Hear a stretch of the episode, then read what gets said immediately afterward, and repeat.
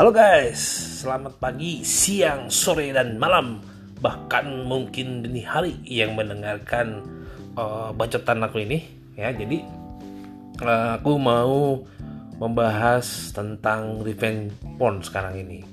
Karena banyak sekali dari uh, berbagai media gitu ya yang saya lihat tentang uh, bentuk kekerasan salah satu bentuk kekerasan seksual terutama uh, biasanya yang mengalami hal ini adalah perempuan gitu ya.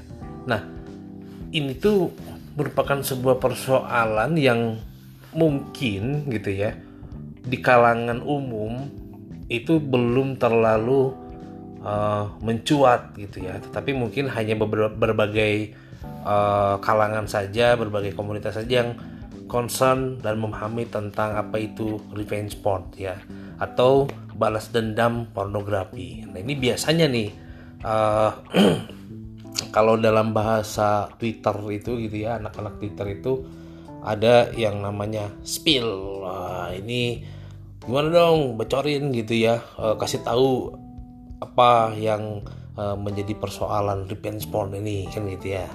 Nah sedikit demi sedikit oke kita akan bahas gitu ya. Tapi aku juga ini sebetulnya hasil baca-baca sih dari LBH Semarang ID terus kemudian uh, apa salah satu jurnalnya dari UGM gitu ya. Nah aku juga baca-baca kan gitu ya. Jadi ini uh, revenge porn itu merupakan balas dendam porno adalah bentuk kekerasan seksual gitu loh. Jadi ini bu selain apa kayak misalkan catcalling, sexual harassment, terus eh, hal-hal uh, yang lainnya. Nah, uh, revenge porn ini atau balas dendam porno ini juga bentuk kekerasan seksual gitu. Biasanya uh, adanya pemaksaan atau ancaman terhadap seseorang gitu ya. Umumnya perempuan nih biasanya gitu loh. Karena sorry uh, banyak sekali yang di media sosial ini menjadi uh, apa korban dari balas dendam porno gitu ya. Nah, bentuknya ini bisa berupa rekaman suara, foto, atau video yang dibuat oleh pasangan yang biasanya memiliki hubungan intim dengan pengetahuan atau persetujuan orang tersebut atau dapat dibuat tanpa sepengetahuannya. Nah, ini yang uh, menurutku sih ya sebuah hal yang mengejutkan gitu ya. Ternyata akhir-akhir ini banyak sekali kasus yang seperti ini. Nah, tindakan uh, revenge porn ini bertujuan untuk mempermalukan, mengecilkan dan menghancurkan hidup korban. Biasanya nih, kalau misalkan ada yang putus, ya kan, nah, si orang itu eh, sebelum putusnya itu ketika mereka uh, melakukan hubungan pacaran gitu ya, melakukan hal-hal yang uh, berkaitan dengan seksual. Entah itu ya cuman kissing atau misalkan uh, lebih daripada itu gitu ya. Nah ketika putus yang lebih daripada itunya itu gitu ya apa ya? Ya pokoknya yang lebih daripada kissing gitu ya. Contoh misalkan yang melakukan hubungan seksual kemudian difoto itu bisa saja uh, menciptakan kalau ketika putus itu ya kan pengen ada misalkan yang balik lagi tuh menciptakan rasa dendam gitu loh. Pengen balik lagi tapi nggak diterima. Alias di friendzone gitu ya sama si mantannya itu karena nggak mau gitu ya. Si perempuannya ini nerima karena ya mungkin kelakuan cowoknya itu bejat nah si cowoknya ini melakukan karena sakit hati tadi gitu ya. Kemudian dia melakukan bentuk balasan gitu ya. Salah satu bentuk balasannya itu tadi yang disebut dengan revenge porn balas dendam porno. Apa yang telah mereka lakukan berdua kemudian terdokumentasikan dan itulah yang di, dijadikan sebagai alat untuk balas dendam si cowoknya ini. Ancamannya misalkan gitu ya ini mau disebarin nggak? Kayak gitu kan. Kalau kamu nggak mau nerima aku sebarin nih. Ya ya gimana gitu kan kata perempuannya itu. Aku nggak mau itu di di disebarin tapi aku juga nggak mau harus uh, balikan lagi sama kamu gitu kan.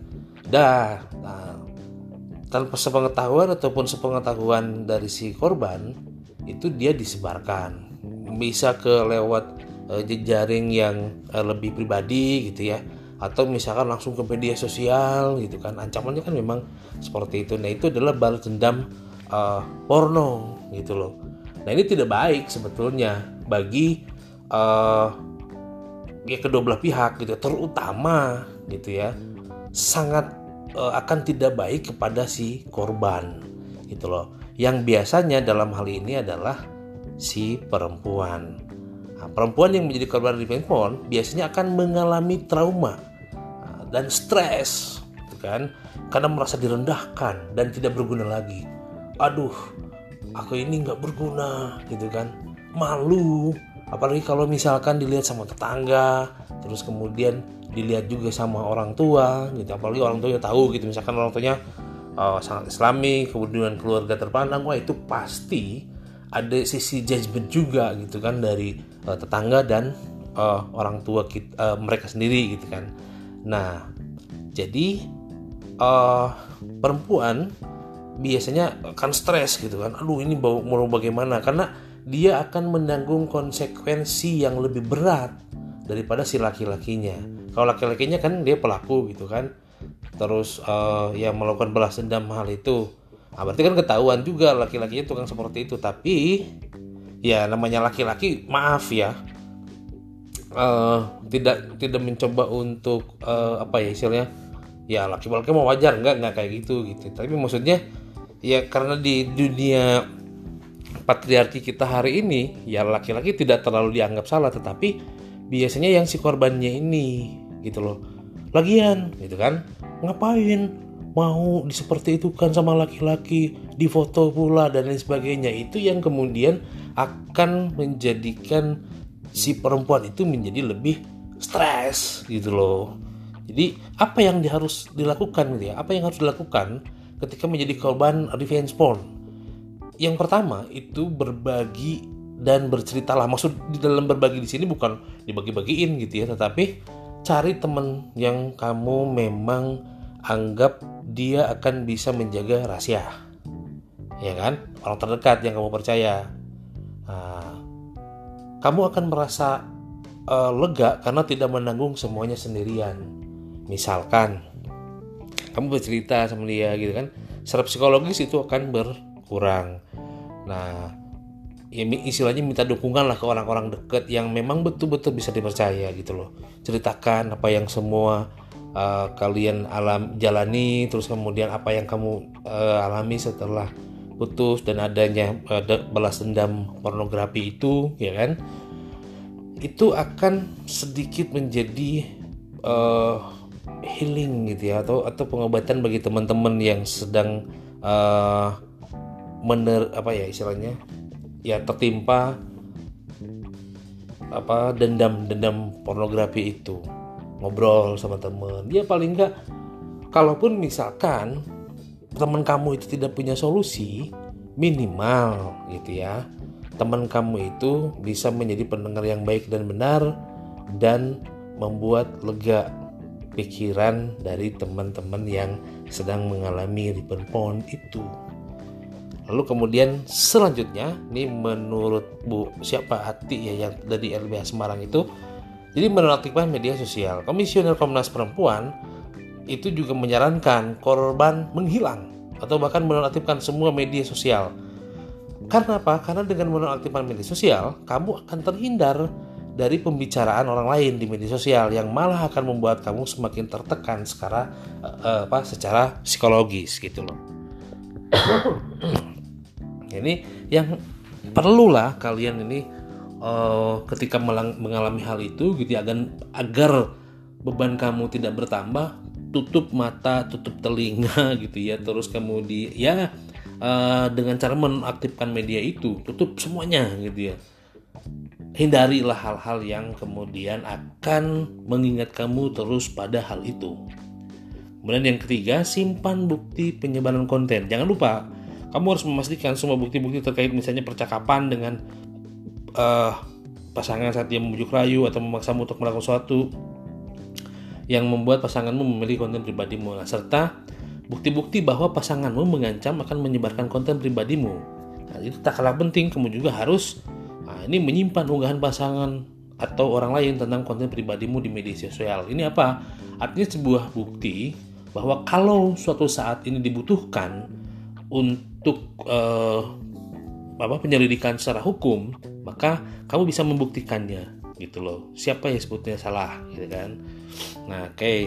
Keempatnya tukar pikiran dengan penyintas jadi ada nih teman-teman misalkan oh iya kadang-kadang kan gitu ya kamu cari misalkan di media sosial sebelumnya nah, sebelum nutup itu terus kemudian kamu cari oh iya penyintas juga sama yang si ini juga mengalami hal yang sama coba dong ngobrol sama mereka yang uh, memiliki persoalan yang sama gitu ya jadi uh, biasanya penyintas itu dahulunya adalah korban dan mereka biasanya sudah berjuang dari dampak kekerasan seksual yang mereka alami. Ya, ini uh, dengan memulai pemulihan, terus kemudian melaporkan dan mau keluar dari situasi yang luar biasa, mengguncang diri mereka ini. Jadi yang ngobrol seperti itu. Jadi pengalaman mereka gimana ketika uh, mengalami hal tersebut gitu ya sebelumnya gitu loh.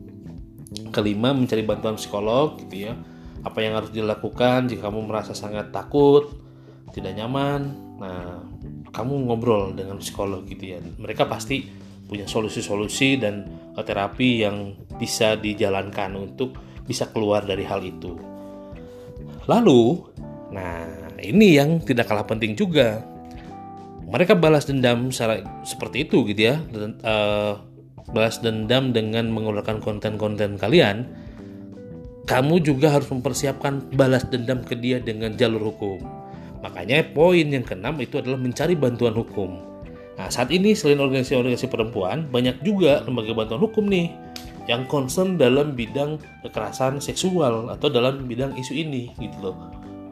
Jangan takut ngomong, ngomong aja gitu loh. Jangan takut wah nanti hukum gimana gimana gimana. Ngobrol dulu, datang dulu ke lembaga-lembaga hukum. Salah satu di misalkan gitu bisa di LBH atau di organisasi-organisasi perempuan.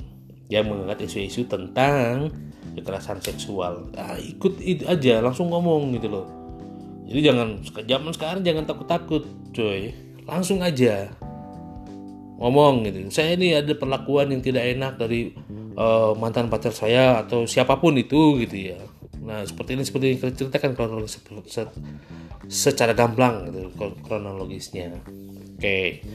Ketujuh terima dan hargai diri sendiri. Nah setelah misalkan gitu ya uh, kamu ini menjadi salah satu uh, korban dari uh, apa dendam pornografi gitu ya maka terimalah diri kamu sendiri bahwa semua orang mempunyai masalahnya masing-masing termasuk kamu mempunyai persoalan ini.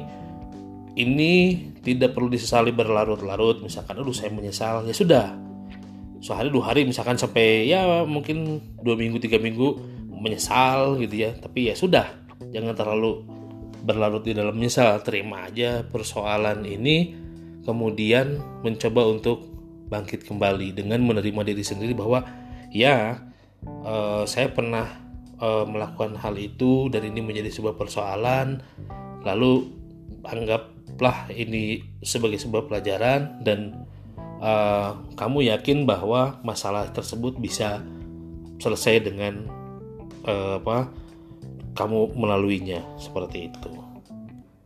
Itu aja sih kalau dari aku gitu ya. Uh, berbicara tentang uh, revenge porn ini terima kasih bagi kawan-kawan yang di luar uh, yang mengalami tentang hal ini jangan takut suarakan apa yang memang harus disuarakan. Thank you.